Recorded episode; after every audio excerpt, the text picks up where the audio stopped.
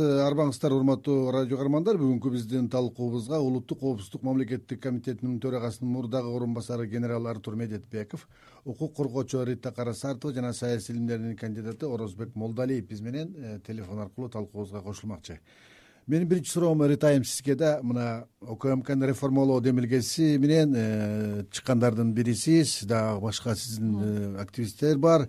Мына сиздерди колдогон уюмдардын негизги бир максаты тилеги эмнеде болуп атат? Сиздин оюңузда бул атайын кызматты реформалоонун бир негизги принциптерин сиздер эмнеден көрүп атасыздар? Биз негизи ушул тармакты анализ кылып чыксак ошо жыйырма тогуз жыл эгемендүүлүк алгандан баштап э, бир дагы мындай укугу азайбаптыр да укмкнын кеңейип эле келатыптыр да. Анан ар бир э, биздин ушу оппозицияда жүргөн чоңдор оппозицияда жүргөндө шашпа сени бийликке келсем ушул тармакты жакшы реформалойм деп айтат дагы. Анан бийликке келип президент болуп алгандан кийин күчтөнтүп эле андан бешпеттери көбөйтүп акырында ушу азыркы күчтөнүп турган укмк атамбаев учурунда эки чоң мындай укукка ээ болгон эки миң он экинчи жылы конституцияга туура келбесе дагы убактылуу деп аксты түзүп койгон бул коррупцияга каршы атайын кызмат э, аны ошо укмкнын алдында кылып коюшкан. Анан эки миң он алтынчы жылы референдумга барып атканда прокуратурадан баягы эме кызматтык э, кылмыштар жасалганды тергөө э, кылган функцияны дагы прокуратурадан алып салып туруп анан кийин мыйзам менен эмеге укмкга берген да. Ошондо бүгүнкү күндө даже совет доорунда жок э, эбегейсиз көп укуктарды ушу э, жабык э, атайын мындай специфический жанагы терроризм экстремизм менен чалгындоо контр чалгындоо жабык ким ал жерде иштеп жүрөт кандай ыкмалар менен иштеп жүргөнүн билбеген ушундай болгон бир жабык улуттук коопсуздукту камсыз кыла турган маалымат менен кеңири иштеп ошол маалыматты эрте алып эрте алдын алып көп маселелерди коопсуздукту камсыз кылай турган сиздин оюңузда бул улуттук коопсуздук комитети өзүнүн баягы миссиясын аткарбай эле оппозицияны жазалоочу курал катары колдонулуп келди деп айткыңыз келип атабы ошонусу бар анткени себеби ошо жанагы чалгындоонун аркасынан э, бир кандай бир туура эмес көрүнүштөрдү алдын алгандын ордуна бүгүнкү күндө жалаң ошо коррупция менен жүрүшүп аяктан мына жакында эле гкнбнын бир сотрудниги үч жүз элүү миң сом эме э, вымогать этип атканда кармалды ошондойго кетишти анан жанагы э, саясий э, буйрутманы аткарып ошо куугунтукка алган дагы булардын эң негизги э, куралы болуп калды да. Артур мырза мына коомдук уюмдар жарандык активисттер мамлекеттин атайын кызматы өзгөчө спецификасы бар органды реформалоого мындай талап кылып жатышы сунуш кылып жатышы канчалык жөндүү деп ойлойсуз? Саламатсыздарбы. Биринчиден бүгүн биз демократиялык өлкөдө жашайбыз. Кыргызстан орто азиядагы өзүнчө бир башка мамлекеттерге караганда демократияга абдан чоң көңүл буруп ошонун негизинде өнүккөнгө өсүүгө жол салып атат. Ал эми ушул укук коргоо органдарына өзгөчө акыркы убакта жеке эле улуттук коопсуздук кызматына эмес баардык укук коргоо органдарында реформа болушуна мен толугу менен кошулам.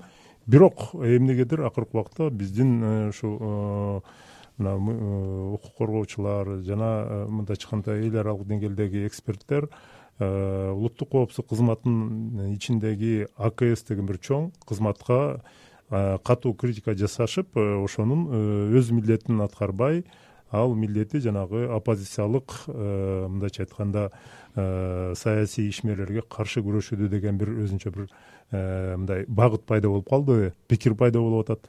Мен мындан кичине алысыраак ойдомун себеп дегенде буну бир эки жактуу караш керек. Бүгүнкү күндө туура убагында атамбаев президент болуп турганда бийликте болуп турганда тайраңдап жанагы көп мыйзам бузууларга мындайча айтканда барган ошол мыйзам бузуулардын негизинде биздин укук коргоо органдарында көп мындай туура эмес иштерде болуп кеткен. Бирок ага карабастан антикоррупциялык кызматы Э, ошол бүгүнкү күндө жанагы э, кыргызстанда болуп кеткен э, болуп кеткен өзгөчө болуп кеткен уурдаган жеген талап тоноп анан кийин качып кеткен кийин кача албай кармалып калгандарга иш козгоп ошонун негизинде иштерди жүргүзүп атат. Бул бир жагы абдан айласыздан болгон мындайча айтканда иш болуш керек. Себеп дегенде башка органдар ошондой ишти баштап же болбосо ошондой иш менен алек болгонго мүмкүнчүлүктөрү жок болду. Мисалы ала турган болсок ошол эле мвдда он алтынчы жылы акиз курулганга чейин өзүнчө экономикалык жактан күрөш болгон. Ошол эле жанагы фин полицияда дагы ошондой мындай өзүн багыт болгон. Бирок алар ошончолук жогорку деңгээлге жете алган жок. Бирок бул жерден бир айта турган нерсе тилекке каршы ушундай кызматты акс деген кызматты Э, биздин э, бийлик башындагылар буга чейин э, президенттер жана ошондой эле жетекчилери ушул бийликти же ушул кызматты өзүнүн кызыкчылыгына же болбосо бир үй бүлөнүн кызыкчылыгына же өзүнүн же партиянын кызыкчылыгына колдонгонго аракет кылып жанагы оппозициялык күчтөрдү ошол коррупцияга чырмалаштырып байланыштырып кээде ошондой алып барып отургузуп койгон көрүнүштөр да пайда болуп калган. Ошонун негизинде бүгүнкү күндө ар кандай критикалык сунуштар болуп атат ушул улуттук коопсуздук кызматында акстин кереги барбы же кереги жокпу деген. Акс демекчи орозбек агай саламатсызбы? Алейкум ассалам. Мына жогоруда уктуңуз мына жарандык коом өкүлдөрү мына тарабынан сунуштар айтылып атат. Мисалы жана укмкдагы тергөөнү андан кийин коррупцияга каршы агенттикти дагы жоюу алардан алып салуу депчи. Ушуларды жоюу менен эле ушул атайын кызматты реформа кылдык десек болобу? Бул реформага тиешеси жок. Бул реорганизация жасайлы деген сунуш деп айтсаңыз туура болот да. Реформа жасашка албетте бул биздин улуттук коопсуздук комитети ички иштер министрлиги күч структуралары муктаж болгондугун баарыбыз эле билебиз бирок бул реформаларды жасаганды бул ичиндеги иштеп аткан структураларды нары бери жоюп салган менен реформа болбойт мына мисалы үчүн тергөө укук улуттук коопсуздук комитетиндеги тергөөнүн өзүнүн өзгөчөлүгү бар. Бул жерде оперативдик кызматтагылар менен тергөөчүлөр контакт иштейт анан ал тергөө комитетин бөлүп салганда оперативдик кызматтагылар алар менен мындай тыгыз иштегенден оолак болуп калат. Анткени мамлекеттик сыр кызматтык сыр деген түшүнүктөр болот. Ошол жагына келгенде бул жерде бир топ кыйынчылыктар болот. Буга казакстандын мисалын алсак болот. Казакстанда следственный комитетти бөлүп коет. Андан кийин э, бир топ кыйынчылыктар болгондон кийин азыр э, тергөөнү кайта берди э, улуттук коопсуздук комитетине коррупцияга каршы кызмат боюнча бул жерде жогорку кызматтагыларды башка улуттук коопсуздук комитетинен башка структуралар камай албай батын албай текшере албагандыгынан улам ушул түзүлгөндүгүн унутпаңыздар акстин түзүлгөнүн. Ошон үчүн бул иштеп атат. Эми жанагы э, бул бөлүп салыш керек анан э, башка максатта пайдаланып атат деген дооматтар э, анча деле негиздүү эмес себеби дегенде мвдга берип койсоңор андан дагы көп кожоюндар чыгат аларды пайдаланганга. Финполго берип кошуп койгондо дагы башка структуралар кетип калат да. Анткени биз деген азыр демократия курула элек. Э, мындай демократиянын жолуна жаңы түшүп аткан э, мамлекет болгондугубуздун э, эмесинен келип чыгып атат бул маселе. Бул жерде маселенин башка жагы бар. Коопсуздук сферасында парламенттик көзөмөл бар. Баардык демократиялык мамлекеттерде. Ошол парламенттик көзөмөл күчөтүш керек. Мына мисалы үчүн эл аралык э, коргоо жана коопсуздук комитети бар жогорку кеңеште андан башка дагы ушу правопорядок э, кылмыштыкка каршы жана коррупцияга каршы комитет бар.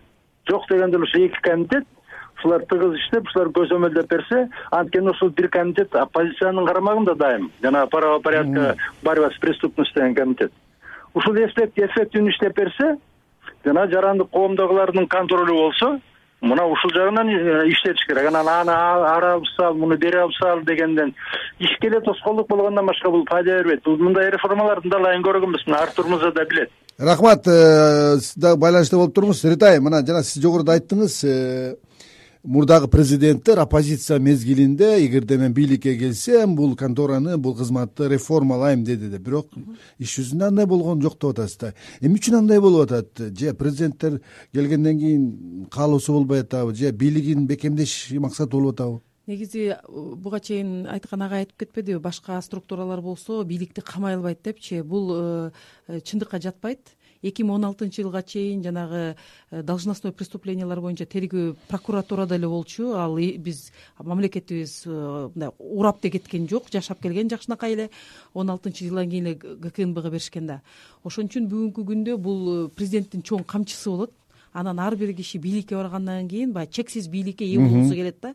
Ошондо баягы бийликтин ортосунда тең салмактуулук болуп атабы адам укугу сакталып атабы деген нерселерди карап мындай элдин биримдигин камсыз кылуу деп жазылган да конституцияда. Ошону эле карабастан бүт үч бийлик бутакка ошол э, ошол гкнбнын камчысы менен кирет да президент. Анан э, соттор каалагандай чечим чыгарып беришет. Аткаруу бийлик президенттин аппараты айтканын жасап турушат. Э, депутаттар баягы мурун оппозиция коалиция деп аябай бир күжүрүү бүжүрүү болчу эмеспи азыр андай эчтеке жок. Жып этип эле баягы жүз канча добуш керек болсо ошол колду көтөрө калып эле любой маселе чечилет да. Ошон үчүн бүгүнкү күндө парламентаризмди сот тармагын реформага алдыга жылыш үчүн азыркы ушул реформа керек да. Мен муну реорганизация деп айтпайм. Бул деген кадимки эле реформа болот. Биз э, кызматты ушул укмкны өзүнүн нугуна кайра түшүрөбүз да. Булар профессионалдуу разведчик контрразведчик болуп туруп ошо коопсуздукта иштеш керек. Мисалы бүгүн миллион деген акчалар э, российский бир таптакыр болбогон эле бир компанияларга кетип калып атат да. Э, биз ачык данныйлар бар да. Барып карасак бир эле учредители бар жүз миң рубль эле уставной капиталы бар. Зато биздин кыргызстандын жалпы санариптешүүнүн баарын ошолор аткарат деп алтымыш эки миллион долларга э, келишим түзүп коюп атышат да. А ошо биздин санариптешүүдө персональный данныйлар кантип сакталат эмне болот? Бул кип кичинекей болгон эле компания кийин кыргызстандын маалыматын кантип сактайт деген ошолорду караш керек да буларчы. А бул маселелер бүгүн бүт баары тиякта калды а көбүнчөсү эле жанагы эле тиги жерде уурдалып атат бул жерде уурдалып атат деп анан э, баягы жөлүү фактыларын да көрбөйсүң да. Мына акыркы грстеги паспорт тендер боюнча э, кандай фактыларыңар бар деп депутаттар сураса э, чет өлкөдөгүлөргө тиги террористтерге да паспорт берилип кетип атат дейт. Эми террористтерге паспорт берилип кеткен ал башка а тендер маселеси ал таптакыр башка да. Тендерде момундай болгон мынакей фактылар бар деп алар айтып беришкен болот ошондо баягы сабатсыз болуп барат өкүнүчтүү да. Мен деле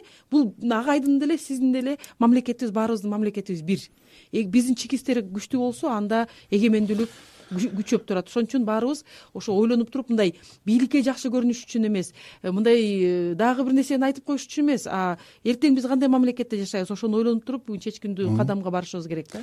Артур мырза мына э, улуттук коопсуздук кызматы дегенде мындай качуу сын айтылат биздин кыргызстандын бул кызматы баягы илгери тоталитардык замандан калган кгбнын ыкмасы менен кгбнын методу менен тергөө жүрүшү иштеп көп маселелерде ошол эле салт ошол эле мектеп менен келатат дейт да өзгөрөйүн деген бул контора эмес депчи. Кошуласызбы? Жогоруда да айтылды мына орозбек айтып атат президентке бир адамга эмес парламенттин көзөмөлүн өткөрсөк кичине өзгөрүү болот деп атат.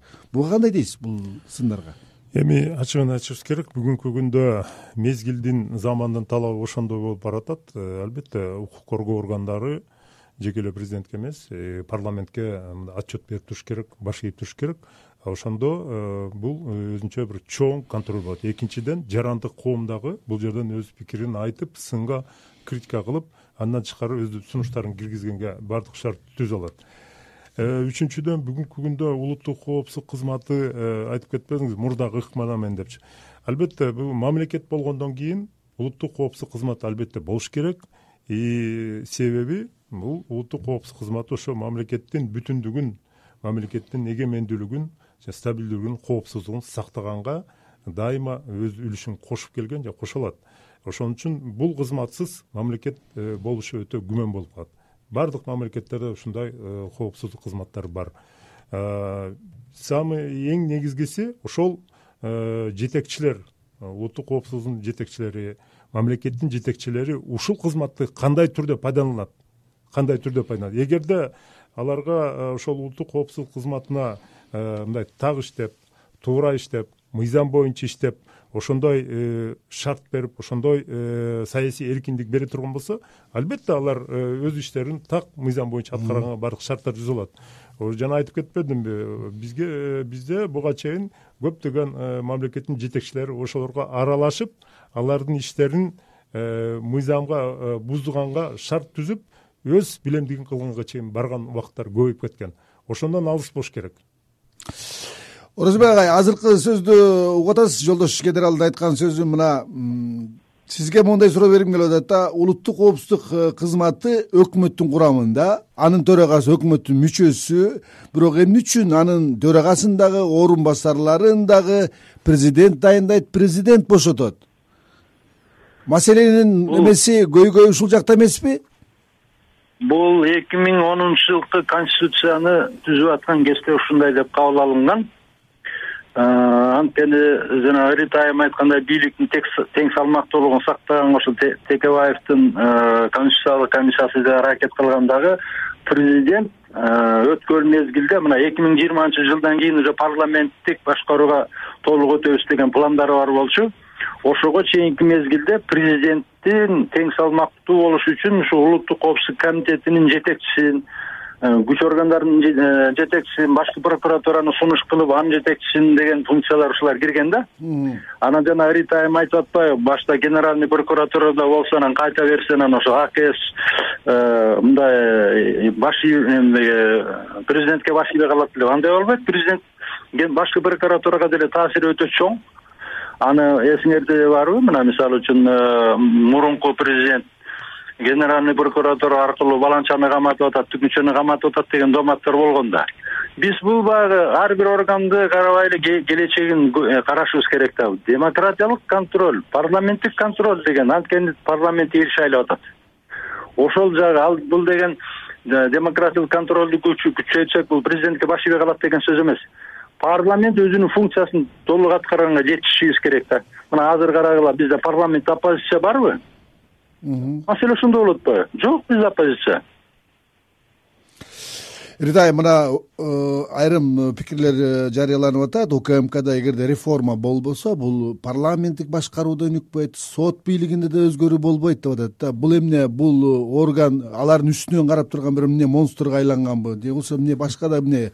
Эмне күчү бар? Эмне үчүн мындай ой пикир сиз кошуласызбы үч бийлик бутагындагы кызматкерлер кылмыш жасаса ошол кылмыштарды тергөөнү укмк жасайт бүгүнкү күндө биздин билишибизде практически ар бир депутат ар бир сотко мындай даяр болгон баягы крючоктору бар да. Ошон үчүн э, кээ бир учурларда сотторду байкайбыз аларга буйрутма бербесе деле ошол буйрутманы күтүшөт. Кандай бир резонансный иштер боюнча эмне деп айтат болду экен деп. Э, кээ бир учурларда мындай эле оркоюп ошол көрүнүп калат. Парламентте деле мурункудай мындай коалиция мындай оппозиция коалиция болуп анан ортодо жүргөн эркин депутаттарды тияка бияка тартып кеткен ушундай оюндар болуп атканда кандай болот экен деп биз жанагы тизмелеринди алып ким кандай добуш берди деп ушундай кызыктуу болчу да. Азыр андан эчтекеси жок. Азыр э, ар бир ошо олигархический парламент деп коебуз биякта аябай көп олигархтар келген. Баарынын аркасында бери дегенде эле э, баягы бизнесине текшерүүчү жиберип койсо эле бүттү аны өлтүрдү да.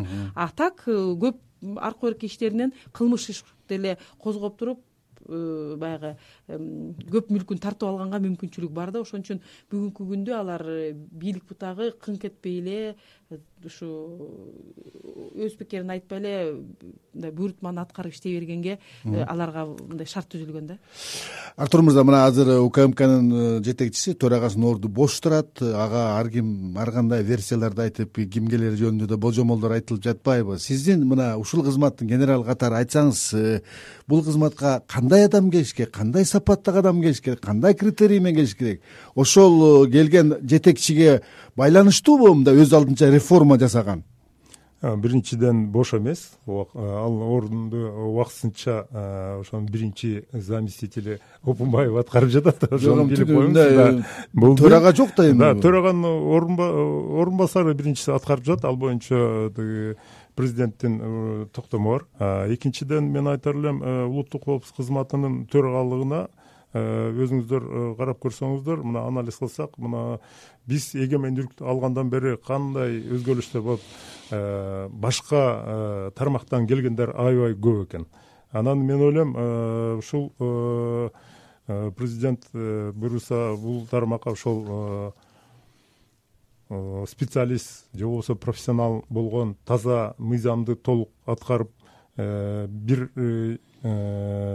адам үчүн эмес кыргызстандын эли үчүн кыргызстан жери үчүн иштей турган адамды койсо туура болот деген оюм. Бирок мунун баардыгын баары бир чечилет деген маселедемин. Себеп дегенде бул абдан орчундуу өтө кыйын жоопкерчиликтүү орун анын үстүнө бүгүнкү күндө абдан чоң маанилүү процесстер саясий экономикалык процесстер кыргызстанда жүрүп атат.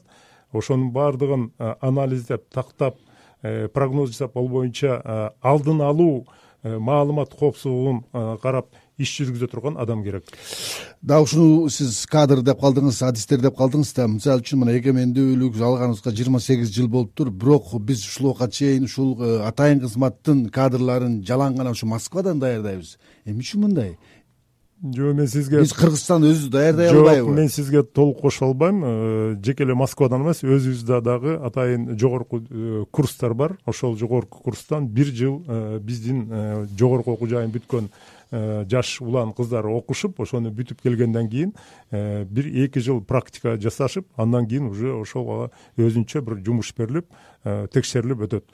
Менин баамда бүгүнкү күндө россиядан окуп келген жаштар дагы азыр жылына бир он беш жыйырмага жакын жаштар окуп келишет алар дагы акырындап көбөйө баштады. Себеп дегенде россиядан окуп келгенде дагы бизди алар аралаштырбайт өздөрүнүн курсанттарына биздин балдарды. Булар өздөрүнчө өзгөчөлөнүп окушат. Э, кээде айтылып кетет ал жакта окуп келсе аларды вербовка кылып коет анан ошол жака иштеп кетет деген ойду айтайын деп атасыз мен түшүндүм.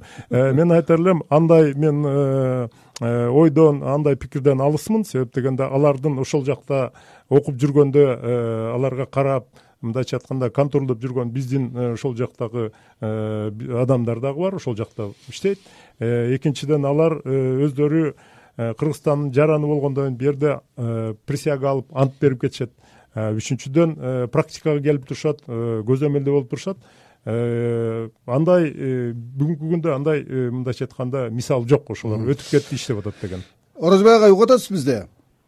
Угуп атам мына э, убактыбыз аз калды. Бир мүнөт э, сиз айтсаңыз мына э, ушул улуттук коопсуздук кызматын реформалоодо биздин бийлик кайсы маселелерге бир негизги көңүлдөрдү буруш керек деп ойлойсуз бул жана айтылган пикир кгб өзүнүн иши менен заниматься этсин деген рита айым айтып кеткен сөзүнө бир жаңылыштык болуп атат. Себеби дегенде азыр улуттук коопсуздукка коррупциядан эң чоң коркунуч жок болуп турат да чынын айтканда. Экстремизм терроризм коррупциянын коркунучу наркобизнес бул ошон үчүн улуттук коопсуздук комитетинде антикоррупционный службанын болгону туура башка маселе. Аны ошо президенттер злоупотреблять этип кетпеш үчүн жана парламентти контролдедик мына рита айым да туура кылып атат. Жарандык коомдун контролу дагы болуш керек. Эми сиздин сурооңузга келсек Э, кыскара бул кызматтын престижин көтөрүш үчүн көп иштерди жасаш керек болот. Мына мисалы үчүн андрей сахаровдун айтканы бар. Кгбны өтө жогору баалап ошол кгбнын контролунда жүргөн бир топ унутка калынган киши өзү айткан. Ошо советтер союзунда жалгыз коррупцияга аралашпаган ушул кгб калды. Өзүнүн элитарный абалда болгондугу үчүн деп рахмат э, анан кийин рахмат рахмат орозбек агай урматтуу радио көрөрмандар бүгүн биз укмкны реформалоонун башкы принциптери кандай болуш керек? Глобалдашкан заманда атайын кызматка кандай негизги милдеттер жүктөлүш керек деген теманын тегерегинде кеп кылдык. Бүгүнкү биздин талкуубузга улуттук коопсуздук мамлекеттик комитетинин төрагасынын мурдагы орун басары генерал артур медетбеков укук коргоочу рита карасартова жана саясий илимдердин кандидаты орозбек молдалиев катышты. Берүүнү мен бакыт орунбеков алып бардым. Саламатта калыңыздар